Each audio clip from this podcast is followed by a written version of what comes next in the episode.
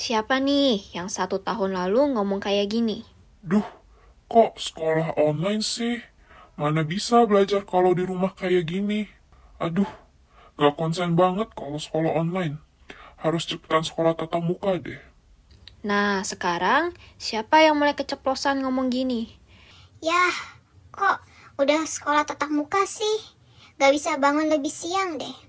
Aku gak siap. Nah lo, kok jadi labil gini?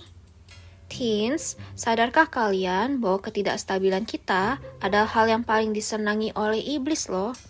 Karena dengan begitu, dia bisa menimbulkan kekacauan di hati dan pikiran kalian. Lalu, bagaimana dong kalau aku orangnya udah gak stabil gini? Di dalam Alkitab, Petrus juga adalah orang yang awalnya gak stabil. Dalam Matius pasal 26 ayat 35, dia bisa bilang, Sekalipun aku harus mati bersama-sama engkau, aku tidak akan menyangkal engkau. Eh, gak lama kemudian malah menyangkal Tuhan tiga kali. Meskipun demikian, Tuhan mau memakai Petrus loh. Dan dia juga mau memakai kamu, asalkan kamu belajar melawan pengacauan dari musuh itu. Apa pun yang membuat kamu gak stabil dan gak pasti, jangan gugup dan jangan bingung.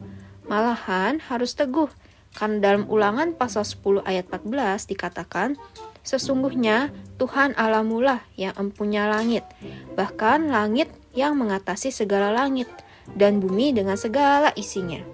Karena kita punya Tuhan yang mengatasi segalanya, bahkan langit dan bumi dan segala isinya. Kita perlu teguh di dalam dia dan menaruh kepercayaan kepadanya. Teens, no storm can last forever. Be still dan percayakan aja semuanya sama Tuhan.